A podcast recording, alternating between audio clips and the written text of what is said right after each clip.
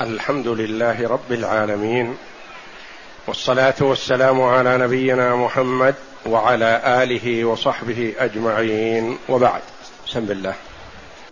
بسم الله الرحمن الرحيم.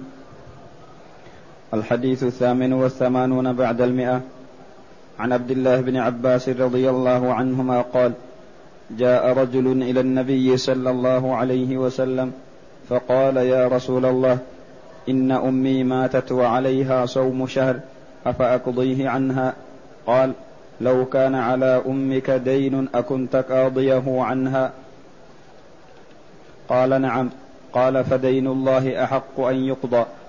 وفي رواية جاءت امرأة إلى النبي صلى الله عليه وسلم فقالت يا رسول الله إن أمي ماتت وعليها صوم نذر أفأصوم عنها؟ قال أفرأيت لو كان على أمك دين فقضيته أكان يؤدي ذلك عنها؟ قالت نعم. قال فصومي عن أمك. هذا الحديث بروايتيه عن عبد الله بن عباس رضي الله عنهما في الرواية الأولى جاء رجل إلى النبي صلى الله عليه وسلم فقال يا رسول الله إن أمي ماتت وعليها صوم شهر. صوم شهر. ما ذكر هذا الصوم؟ ما هو؟ أهو نذر. أم قضاء رمضان؟ أم كفارة؟ قال عليها صوم شهر. أفأقضيه عنها؟ أي أصوم عن أمي لما ماتت. أراد النبي صلى الله عليه وسلم أن يبين له البيان الشافي الكافي. ما قال له نعم فقط أراد أن يمثل له بشيء محسوس. يدركه كل أحد. قال لو كان على أمك دين أكنت قاضيه عنها افرض أن زيد من الناس يطالب أمك بمائه ريال فأعطيته هذه المئة عن أمك هل يقضى دين أمك؟ نعم. هل تبرأ ذمتها؟ نعم. قال نعم. قال فدين الله أحق أن يقضى. يعني هذا الواجب على أمك. لله تعالى أحق وأولى أن تقضيه. براءة لذمتها. وفي رواية الرواية الأخرى جاءت امرأة إلى النبي صلى الله عليه وسلم فقالت يا رسول الله إن أمي ماتت وعليها صوم نذر أفأصوم عنها؟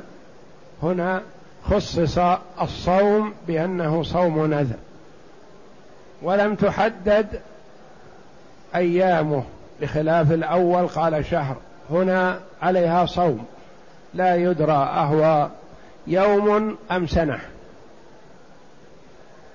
إنما هي تسأل هل تصوم هذا الصيام عنها؟ فقال النبي صلى الله عليه وسلم لها أفرأيت خطاب للمرأة لو كان على أمك دين فقضيته أكان يؤدي ذلك عنها؟ لو كان عليها دين لآدمي فأعطيت هذا الآدمي حقه. أكان يؤدي عن أمك؟ قالت نعم لا شك أنه لو كانت أي امرأة من الناس تطالب أمي بعشرة دراهم مثلا فأعطيت أنا هذه المرأة عشرة الدراهم تبرأ ذمة أمي من هذا الدين. قال نعم قالت نعم يعني يؤدي عن أمي لو أديت عنها الدين. قال إذن يعني فصومي عن أمك. ما دام عليها نذر دين لله وماتت ولم تتمكن من أدائه فأديه أنت عنها لأن هذا دين لله. بعض العلماء رحمهم الله قال هذا الحديث فيه اضطراب. أين هذا الاضطراب؟ قال رجل وقال امرأة. وقال في الحديث الأول عليها صوم شهر. وقال في الرواية الثانية عليها صوم نذر. هذا فيه اضطراب واضطرابه يقلل من من اعتباره. قال آخرون لا يرحمكم الله لا ويرحمكم الله. ليس فيه اضطراب. وإنما النبي صلى الله عليه وسلم مفتي الأمة.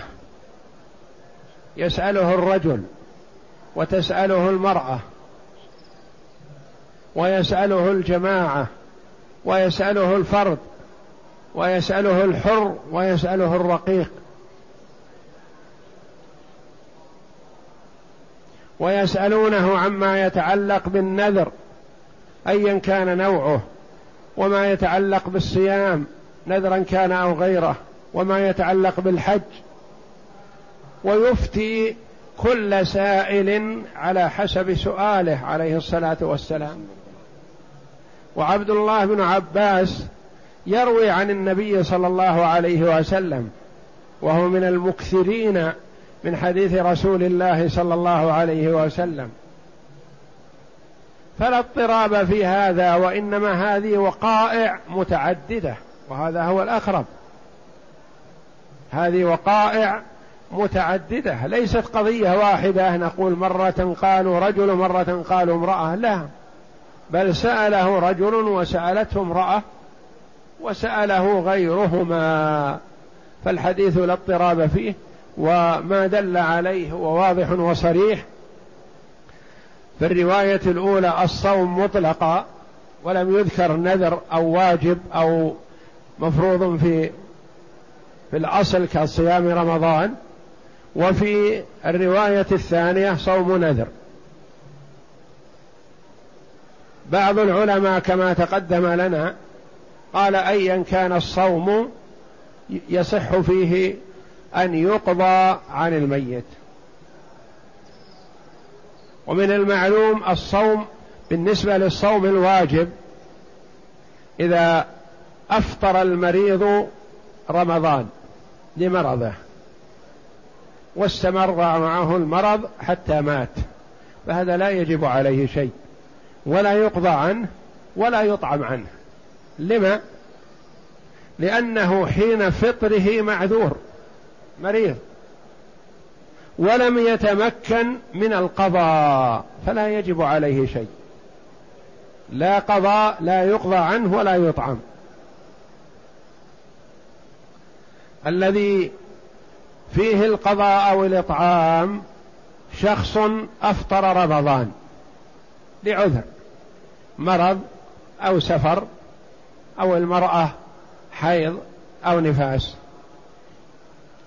ثم تمكنا من القضاء. في شوال ذي القعدة ذي الحجة. ثم مات بعد ذلك. هذا هو الذي فيه هذا الكلام. يقضى عنه أو يطعم عنه عن كل يوم مسكين.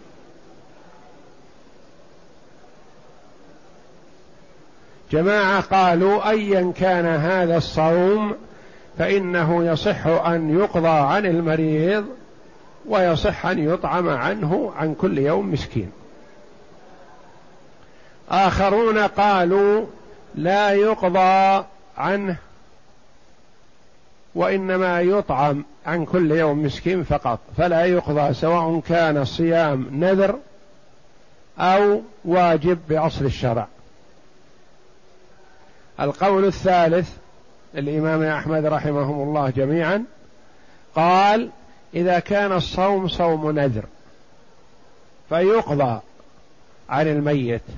أما إذا كان صوم رمضان واجب بأصل الشرع فلا يقضى عنه وإنما يطعم.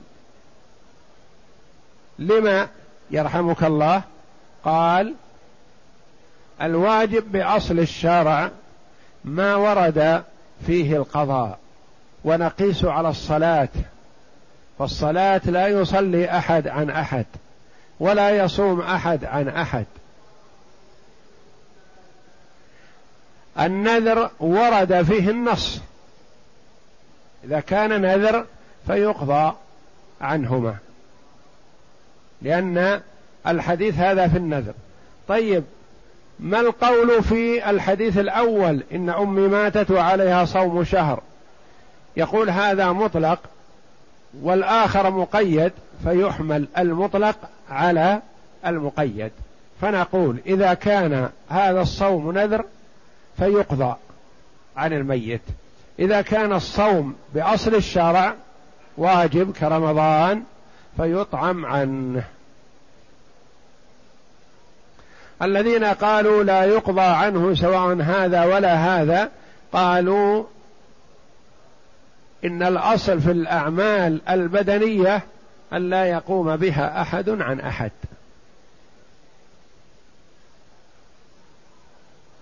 واستدلوا بقوله جل وعلا وأن ليس للإنسان إلا ما سعى. وهذا دليل على أن الإنسان ليس له إلا ما عمله فلا يطمع في عمل غيره. لا يطمع في عمل أبيه ولا يطمع في عمل ابنه. ليس له إلا عمله. لكن إذا تبرع له متبرع بهذا العمل نفعه. لأن النبي صلى الله عليه وسلم قال إذا مات ابن آدم انقطع عمله إلا من ثلاث صدقة جارية أو علم ينتفع به أو ولد صالح يدعو له. فالولد الصالح يدعو لوالديه والرجل الذي قال إن أمي ماتت وأرى أنها لو تكلمت تصدقت هل ينفعها إن تصدقت عنها؟ قال نعم. فإذا تصدق الولد وجعل ثواب صدقته لأمه أو لأبيه أو لهما معا أو له ولوالديه نفع هذا بإذن الله.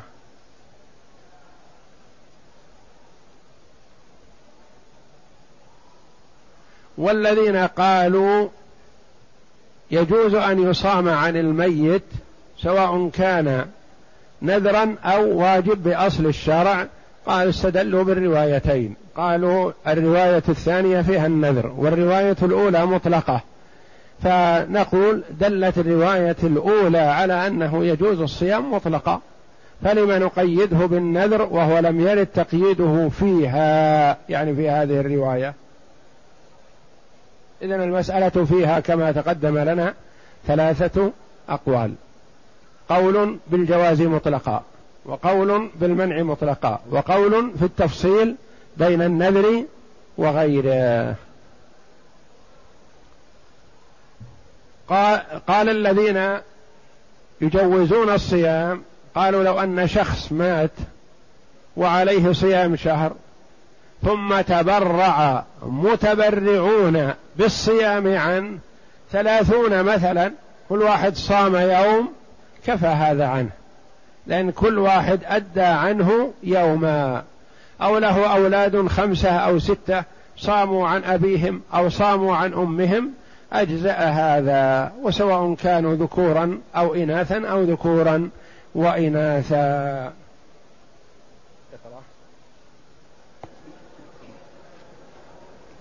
المعنى الإجمالي وقع في هذا الحديث روايتان والظاهر من السياق أنهما واقعتان لا واقعة واحدة.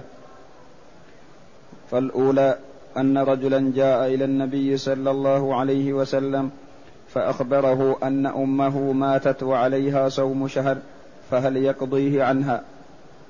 والرواية الثانية أن امرأة جاءت إليه صلى الله عليه وسلم فأخبرته أن أمها ماتت وعليها صوم نذر فهل تصوم عنها؟ وهذه الرواية مشروحة في بعض كتب الحديث أن هذه المرأة ركبت البحر فنذرت صياما. ثم ماتت بعد ذلك فجاءت ابنتها وفي رواية أختها تسأل ما الذي عليها ولم تتمكن ولم تؤدي النذر الذي نذرته. فأرشدها النبي صلى الله عليه وسلم بأن تصوم عن أمها أو عن أختها. نعم. فأفتاهما جميعا بقضاء ما على والديهما من الصوم ثم ضرب لهما مثلا يقرب لهما المعنى ويزيد في التوضيح وهو أنه لو كان على والديهما دين لادمي فهل يقضيانه عنهما؟ فقالا نعم فأخبر نعم لأن دين الآدمي مبني على المشاحة ومن المعلوم أنه يطالب فالولد البار بأبيه وأمه إذا كان عليهما دين فقضاه برئت ذمتهما سواء كانا حيين أو ميتين. ولا يحتاج مثل هذا إلى نية لأن مثل هذا دين آدمي وصلة. فرق بين الزكاة وبين دين الآدمي. فمثلا الرجل عليه دين لآدمي مئة ريال. وعليه زكاة مئة ريال. الولد شعر أن أباه لن يسدد ما عليه لن يعطي الزكاة ولن يعطي دين هذا الآدمي إلا بمخاصمة ومطالبة وما أحب الولد أن تكون هناك مخاصمة أو مطالبة. فجاء إلى هذا الرجل وقال لك عند أبي مئة ريال خذها بارك الله فيك. هذا قضاء دين أبي. هذه تجزي. وتبرأ ذمة الأب. تبرأ ذمة الأب في الدنيا والآخرة. لأنه سدد ما عليه. الصورة الثانية الولد شعر أن أباه لا يؤدي الزكاة. فقال الولد أريد أن أعطي من مالي عن أبي عن زكاته. ولا أخبره. فأخرج الولد من ماله مبلغا من المال نوى به الزكاة عن أبيه. فهل تجزئ؟ لا. ما دام الأب حي فلا تجزي لأن الزكاة تحتاج إلى نية. ليست كدين الآدمي المهم أن يصل إليه حقه. هذه تحتاج إلى نية فلا بد أن يخبر الولد أباه. فيقول له أريد أن أدفع الزكاة التي عليك يا أبي فوضني في هذا فإذا فوضه أجزأ ذلك. وإن لم يفوضه فلا تبرأ ذمة الأب من زكاة ماله. فأخبرهما أن هذا الصوم دين لله على أبويهما فإذا كان دين الآدمي يقضى فدين الله أحق بالقضاء. ما يؤخذ من الحديث أولا عموم الرواية الأولى تفيد أن الصيام يقضى عن الميت سواء أكان نذرا أم واجبا أصليا. ثانيا الرواية الثانية تدل على قضاء الصيام المنذور عن الميت. ثالثا الظاهر أنهما واقعتان لرجل وامرأة فتبقى كل منهما على مدلولها ولا تقيد الأولى بالثانية بل تبقى على عمومهما. هذا يصح ولهذا أخذ به من قال يجوز الصيام مطلقا سواء كان فرضا بأصل شرع أم أوجبه المرء على نفسه كالنذر. قالوا الرواية الأولى مطلقة فتشمل الجميع والرواية الثانية مقيدة فتفيد النذر. الآخرون قالوا نحمل المطلق على المقيد ونجعلها كلها في النذر. نعم. رابعا عموم التعليل الذي في الحديث يشمل الديون التي لله والتي للخلق والواجبة بنذر والواجبة بأصل الشرع بأن الواجبة بأصل الشرع مثلا كرمضان بالصيام وفي المال كالزكاة والواجبة بالنذر كنذر الصيام مثلا ونذر التصدق بمال مثلا هذا لا يجب بأصل الشرع وإنما أوجبه المرء على نفسه. بأنها كلها تقضى عن الميت وهذا ما حكاه شيخنا عبد الرحمن آل سعد رحمه الله عن تقي الدين ابن تيمية رحمهما الله تعالى. خامسا فيه إثبات القياس الذي هو أحد أصول الجمهور في الاستدلال. القياس قاس النبي صلى الله عليه وسلم براءة المدين من الدين لآدمي قاس براءة المدين من دين لله جل وعلا على براءة ذمة المدين إذا سدد عنه دين الآدمي. قاس حق الله جل وعلا على حق الآدمي. نعم. وقد ضرب لهما النبي صلى الله عليه وسلم المثل بما هو معهود لهما. يعني يعرفانه ويدركانه. والأمثال تقرب المعلوم. نعم. ليكون الفهم أبلغ وليقربه من أذهانهما فإن تشبيه البعيد بالقريب يسهل إدراكه وفهمه. سادسا قوله فدين الله أحق بالقضاء فيه دليل على تقديم الزكاة وحقوق الله المالية إذا تزاحمت حقوقه وحقوق الآدميين في تركة المتوفى. وبعضهم قال بالمساواة بين الحقوق. هذا المأخذ من قوله فدين الله أحق بالقضاء. قالوا إذا كان هناك دين لله ودين لآدمي فدين الله أحق بالقضاء. يقدم حق الله على حق الآدمي نقول دين الله وحق الله جل وعلا هذا كذلك لآدمي لأن الله جل وعلا غني بذاته عن المال. وإنما المال حق الله يعطى للفقير. فيسوى بينهما لأن كلاهما حق لآدمي. هذا حق لصاحبه الذي يطالب به وهذا حق للفقير. جعله الله جل وعلا في مال الغني.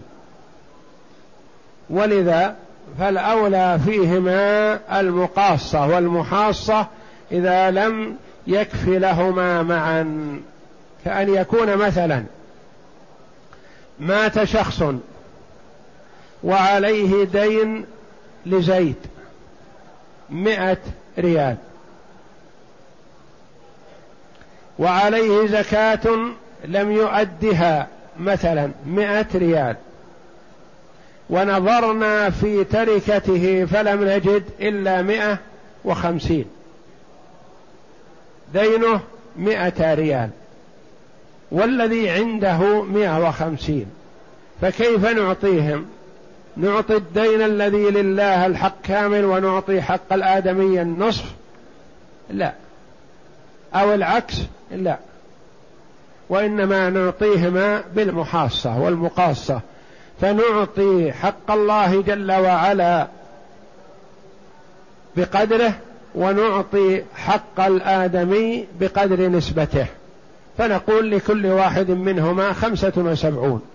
وإن أحب الورثة أن يقضوا عن مورثهم ما بقي تبرعا منهم فحسن وإلا فلا يلزمهم ما دام لم يخلف مالا. فالوارث لا يلزمه شرعا أن يقضي دين مورثه إلا إن كان مورثه خلف مالا. الذين قالوا يبدأ بحق الله قالوا يعطى تعطى الزكاة كاملة وما بقي يسدد به الآدمي. ولعل الأولى والله أعلم المحاصة كما عرفنا في الحقوق المتعلقة بالتركة. أنها خمسة حقوق مرتبة. أولها مؤونه التجهيز. ثانيا الدين الذي به رهن. الثالث الديون المرسلة التي لا رهن فيها سواء كانت لله أو لآدمي. الرابع الوصايا. الخامس الإرث. يعني الإرث هو الأخير من خمسة الحقوق المتعلقة بالتركة.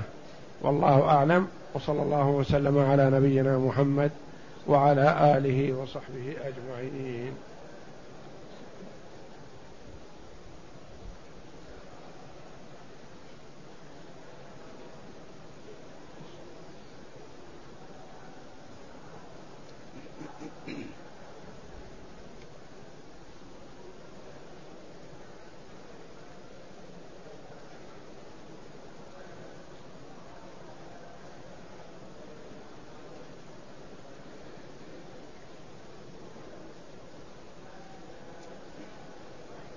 يقول السائل هل المصاب بسلس البول يصلي الضحى والعيدين بوضوء الفجر؟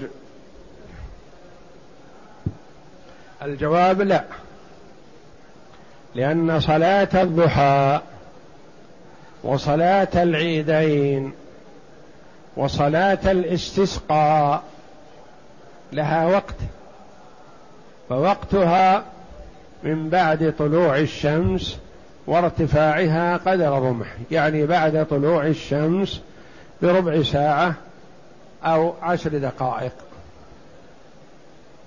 يدخل وقت هذه الصلوات. فلا تصلى بوضوء الفجر.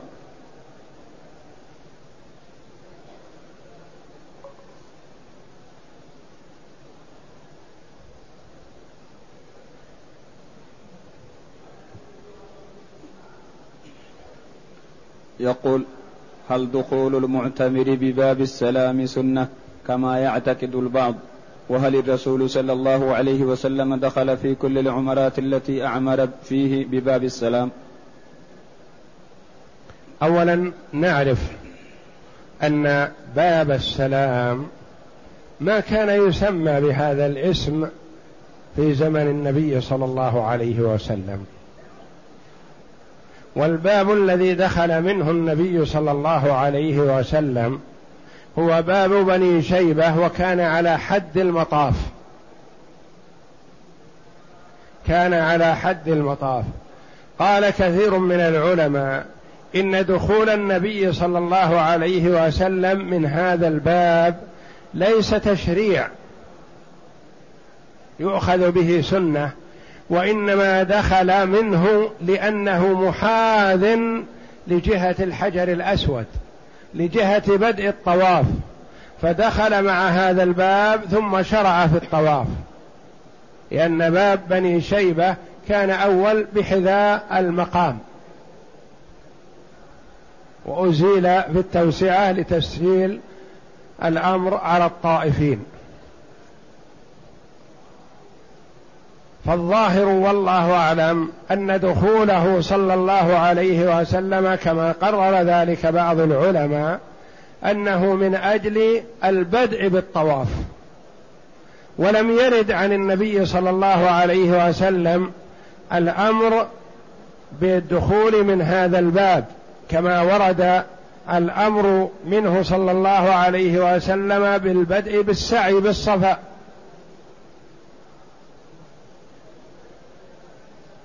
البدء بالصفا بالسعي.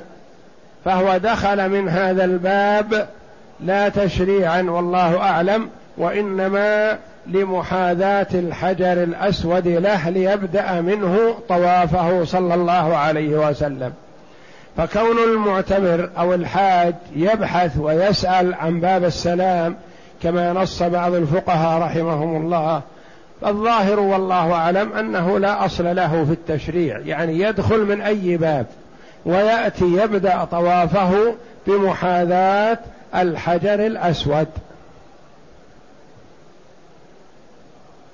ولا ينبغي أن يبدأ من من الركن اليماني كما يفعل بعض الناس من احتياطا يقول وإنما السنة البدء من حيث بدأ النبي صلى الله عليه وسلم.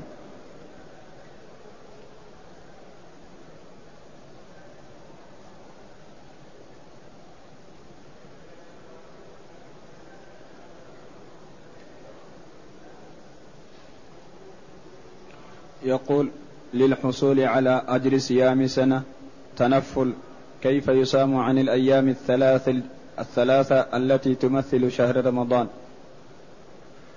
شهر رمضان يصام هو بذاته ولا يصام عنه ثلاثة أيام. هو صام رمضان ثم أتبعه ستا من شوال. كأنما صام الدهر كله. قال بعض العلماء صام الدهر كله فرضا. وإلا فالنفل ما يحتاج أن يقرن مع رمضان. يعني إذا صام شهر رمضان مثلا ثلاثين يوما وصام ستة أيام من شوال كان كصيام الدهر لأن الحسنة بعشر أمثالها. فيعطى صيام الستة الأيام من شوال ثواب الفرض والله أعلم.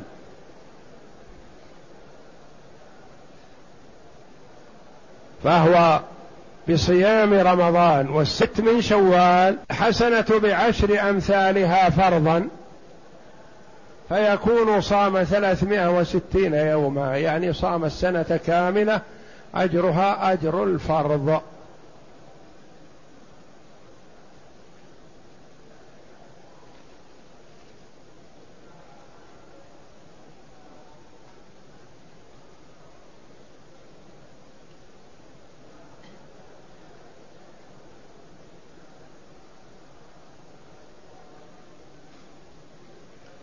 يقول إذا كان امرؤ يصوم الثلاثة البيض ويوم الاثنين والخميس من كل شهر فما الحكم إذا تداخل هل يقضي عن أحدهما؟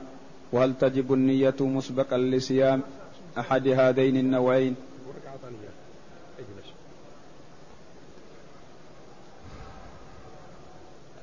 إذا كان من عادته يصوم أيام البيض. ويصوم الاثنين والخميس. فصادف يوم الاثنين أو يوم الخميس من أيام البيض. فقد صامهما بحمد الله. ولا يؤمر بقضاء ما صامه على أنه الاثنين عن أيام البيض أو العكس. فهو إذا صام يوم الاثنين وكان يصادف اليوم الرابع عشر أو الخامس عشر أو الثالث عشر فهو صامه أيام البيض وصام الاثنين وكذلك الخميس وفضل الله واسع.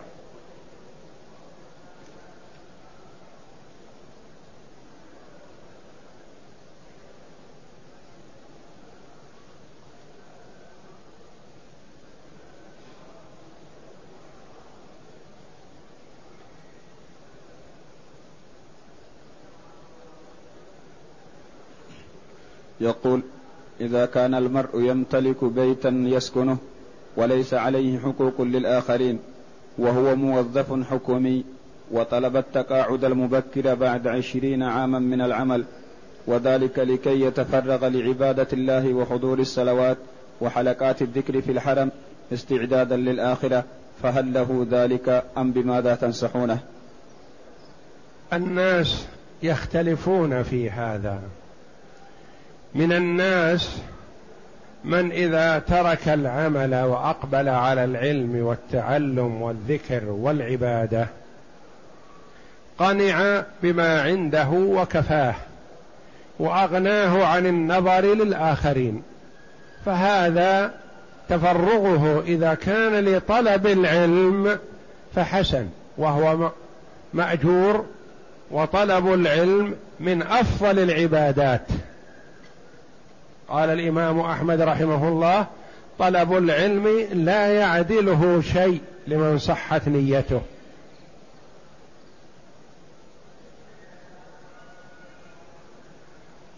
أما إذا كان بتفرغه لا يكفيه دخله ويظن أنه يحتاج إلى الآخرين فكونه يستمر بعمله ولا يحتاج إلى الآخرين خير له. والعمل يؤجر عليه المرء مع الاحتساب. فإذا احتسب عمله ليستعين به على طاعة الله وليؤدي شيئا ينتفع به الآخرون فإنه يؤجر بهذا. وربما يكون احتسابه بعمله واهتمامه به أفضل له من العبادة البدنية التي لا يتعدى نفعها. لأن من العبادات ما يتعدى نفعه كطلب العلم والجهاد والسعي على الأرامل والمساكين والفقراء. ونفع الناس. هذا عمل جليل لا يعدله شيء لأنه يستفاد منه. أما التفرغ للعبادة البدنية وحدها كالصلاة مثلا أو الصيام مثلا فهذا قد يكون عمله مع الاحتساب يؤجر عليه أكثر إذا أدى ما افترض الله جل وعلا عليه. فالحال تختلف فإن كان دخله يكفيه ويغنيه عن الآخرين ويقصد الاستفادة والعلم ويعبد الله ليعبد الله جل وعلا على بصيرة فهذا حسن وخير.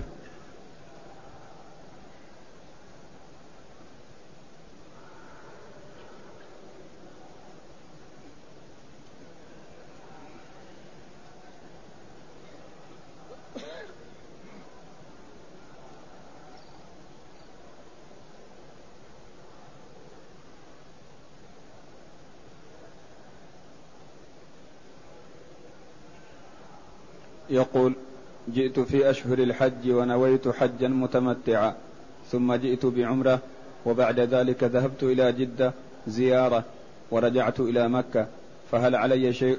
وهل ينقطع متمتعي أم لا؟ علما بأني رجعت من جدة غير محرم. قال كثير من العلماء لا ينقطع التمتع بالسفر إلى مكان قريب دون المواقيت. كالسفر إلى جدة مثلا. مثلا جاء إلى مكة بعمرة متمتعا بها إلى الحج. ثم خرج إلى جدة لغرض من الأغراض وعاد إلى مكة بغير عمرة بغير محرم. فلا بأس عليه لأن جدة تقرب من مكة ولا تعتبر مسافة بعيدة وتمتعه باق لا ينقطع. قال بعض العلماء ينقطع إذا سافر إلى بلده. هذا لا إشكال فيه. بعضهم قال ينقطع إذا سافر إلى مسافة قصر مثلا كالمدينة. وبعضهم قال لا ينقطع ما لم يرجع إلى بلده. حتى لو سافر إلى المدينة فلا ينقطع تمتعه بل هو على تمتعه ما دام لم يعد إلى بلده. إذا فالسفر إلى جدة لا يقطع التمتع.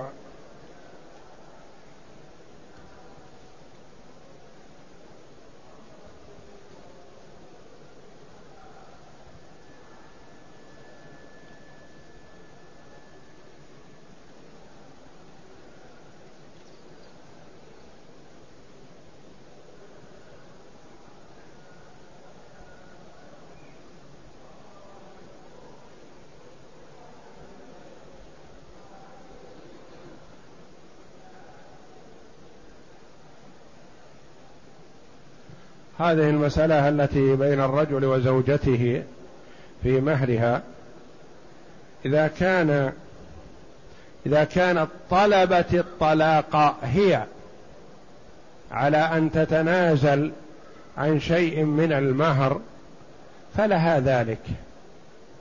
أما إذا كان هو طلقها باختياره لأنها رفضت السفر معه فلا يحق له أن يطالب بشيء من المهر ما دام دخل بها. المهر للزوجة ويلزم نصفه بالعقد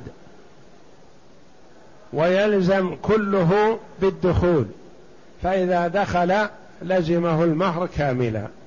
فإن رغبت هي بعد هذا بأن تفتدي نفسها بشيء من مهرها أو بكله أو تزيد عليه فلها ذلك. أما إذا طلقها هو لأنها رفضت المسير معه فلا يحل له أن يطالبها بشيء من المهر.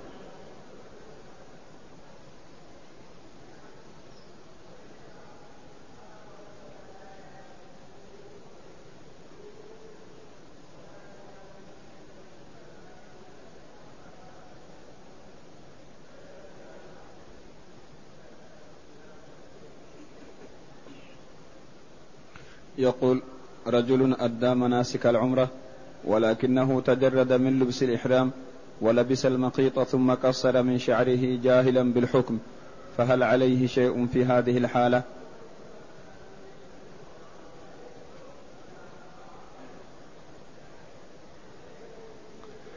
إذا لبس المخيط قبل أن يقصر ثم قصر أو حلق بعد ذلك فليس عليه شيء ما دام فعل هذا جهلا أو نسيانا. وإذا سأل قبل أن أن يقصر فنقول له يحسن أن تتجرد من المخيط الذي لبسته ثم تقصر أو تحلق. وأما إذا كان قصر أو حلق بعدما لبس ثيابه جهلا فليس عليه شيء في هذا. يقول إذا صدم شخص بشيء داخل الحرم مثل الحمامة أو القط وما أشبه ذلك فهل عليه شيء؟ يعني كفارة لما كان مس... بينهما فرق. أما الحمامة فعليه فدية ذلك لأنه يعتبر من صيد الحرم. وصيد الحرم فيه الفدية للمحرم والحلال. وصيد البر خارج الحرم فيه الفدية على المحرم دون الحلال.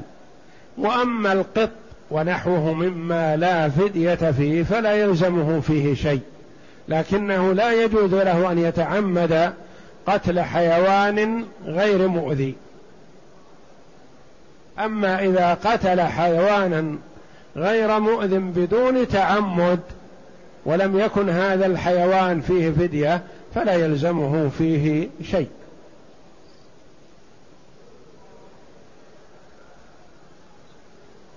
يقول سؤالي عن التقسيط هل هو حرام أم حلال؟ وإذا كان التقسيط في سلعة منزلية أو لباس أو شيء يكون سببا في الرزق والعمل. التقسيط في القيمة حلال كأن تشتري سلعة ما من شخص ما بمبلغ زائد عن قيمة الحاضر لأجل أن المبلغ مقسط شهريا. لا بأس بذلك. وإنما المنع هو ما إذا اشتريت من شخص ما شيئا ليس عنده. واتفقت وإياه على الشراء ثم ذهب واشتراه وسلمك إياه. هذا لا يجوز لأنك اشتريت ما لا يملكه. مثلا أنت لك رغبة في سيارة فاشتريتها من شخص لا يملكها على نية أنه يذهب إلى المعرض ويشتريها ويسلمك إياها هذا لا يجوز. أما إذا كانت السيارة له بين يديه وقال لك أبيعها عليك بخمسين ألف نقدا أو بخمس وخمسين ألف مؤجلة لا بأس. بأي شراءين اشتريتها فلا بأس لكن لا تتفرقا حتى تتفقا على السعر المقصود أجلا أو حاضرا.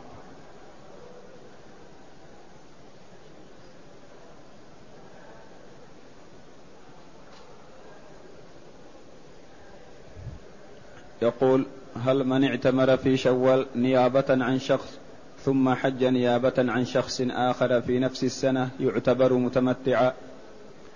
المعتمر عن شخص والحاج عن شخص. إذا كان من سكان مكة فليس عليه هدي تمتع لأن هدي التمتع يجب على من باشر الحج متمتعا ولم يكن من أهل مكة. أما إذا كان من خارج مكة كأن يكون اعتمر عن شخص وبقي في مكة حتى حج من نفس السنة عن شخص آخر فعليه هدي التمتع. لأن الهدي هذا عن الذي باشر النسك لا عن المحجوج عنه أو المعتمر عنه.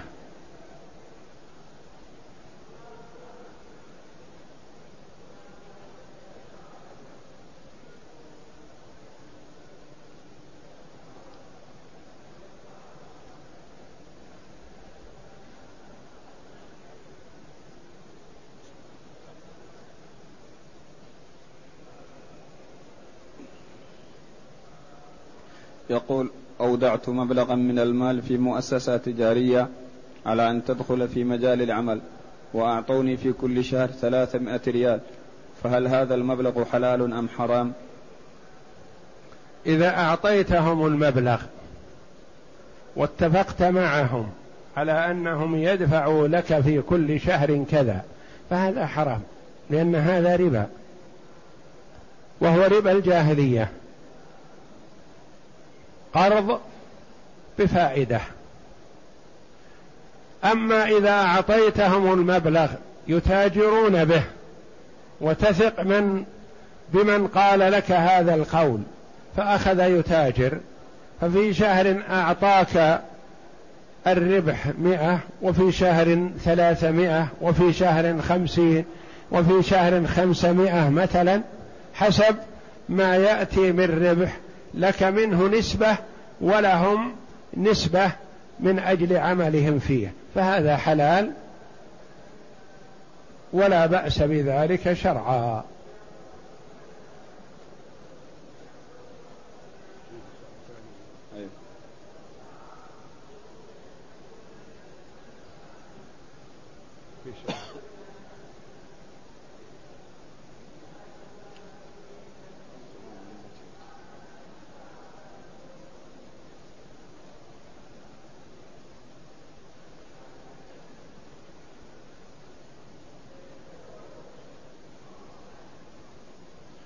يقول هل يجوز شراء بالريال السعودي دولار أمريكي وليست عملية مصرفية وإنما هو شراء مبلغ بمبلغ؟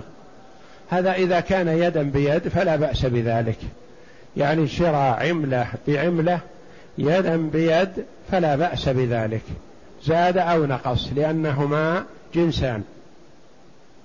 وأما إذا كان ذهب بذهب فلا يجوز إلا يدا بيد سواء بسواء.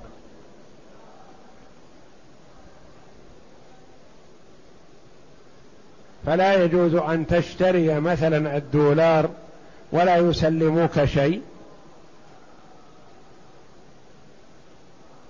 وتدفع الدراهم وإنما لا بد أن تأخذ وتعطي. يقول عند بدء الطواف نكبر وعند الانتهاء من الطواف فهل نكبر أم نترك التكبير؟ نعم. الوارد في السنة أن النبي صلى الله عليه وسلم كلما حاذ الحجر الأسود أشار إليه وكبر. فإذا بدأت فتشير إليه وتكبر. وفي السابع في نهاية السابع تشير إليه وتكبر لأنك تحاذيه. والوارد أن النبي صلى الله عليه وسلم كلما حاذ الحجر الأسود أشار إليه وكبر عليه الصلاة والسلام.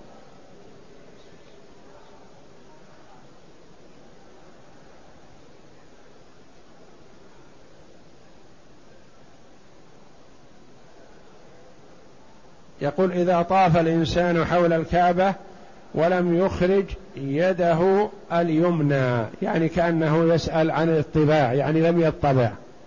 الاطباع سنة من سنن الطواف إذا ذكر الإنسان وتيسر له ذلك فحسن وإذا نسيه أو تركه غير ناس أو لجهله فطوافه صحيح. لأن الاتباع سنة من سنن الطواف وليس بواجب. وهل للعمرة طواف وداع؟ قولان للعلماء رحمهم الله. بعض العلماء يرى أن المعتمر إذا أراد السفر يطوف للوداع كما يطوف الحاج. وبعضهم يرى أن طواف الوداع للحج فقط ولا يلزم للعمرة طواف وداع. وعند الجميع لا يلزم بترك طواف وداع العمرة هدي. والأفضل للإنسان أن يواظب عليه ويأتي به لأنه عبادة وقربة لله جل وعلا.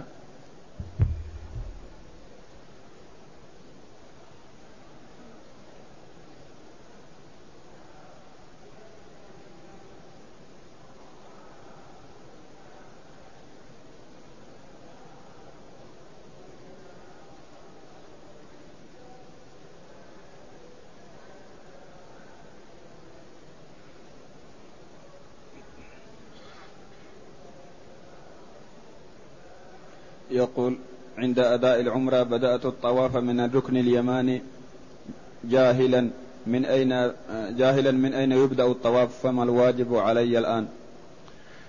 إذا بدأ الطواف بالركن اليماني وانتهى بالحجر الأسود فطوافه صحيح لكنه لا يحسن أن يبدأ قبل مبدأ النبي صلى الله عليه وسلم. أما إذا بدأ الطواف بالركن اليماني وأنهاه بالركن اليماني فهو لم يكمل طوافه حينئذ. بقي عليه في الشوط السابع ما بين الركن اليماني والحجر الأسود.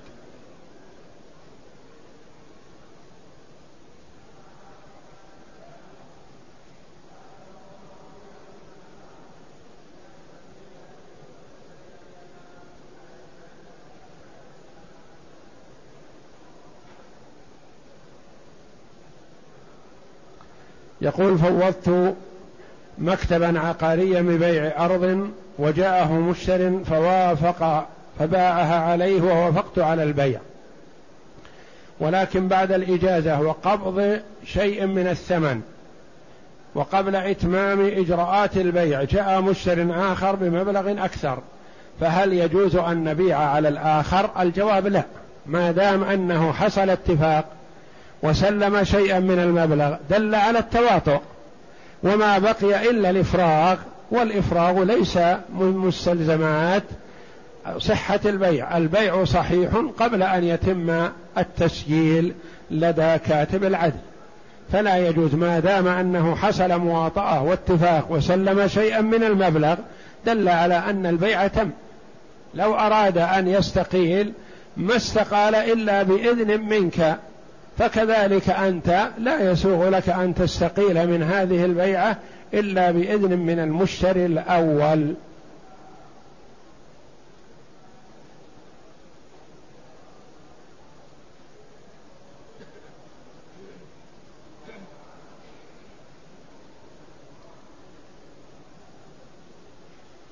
يقول هل من البر أن يزور الابن قبر والديه اسبوعيا ولا ينقطع عن ذلك؟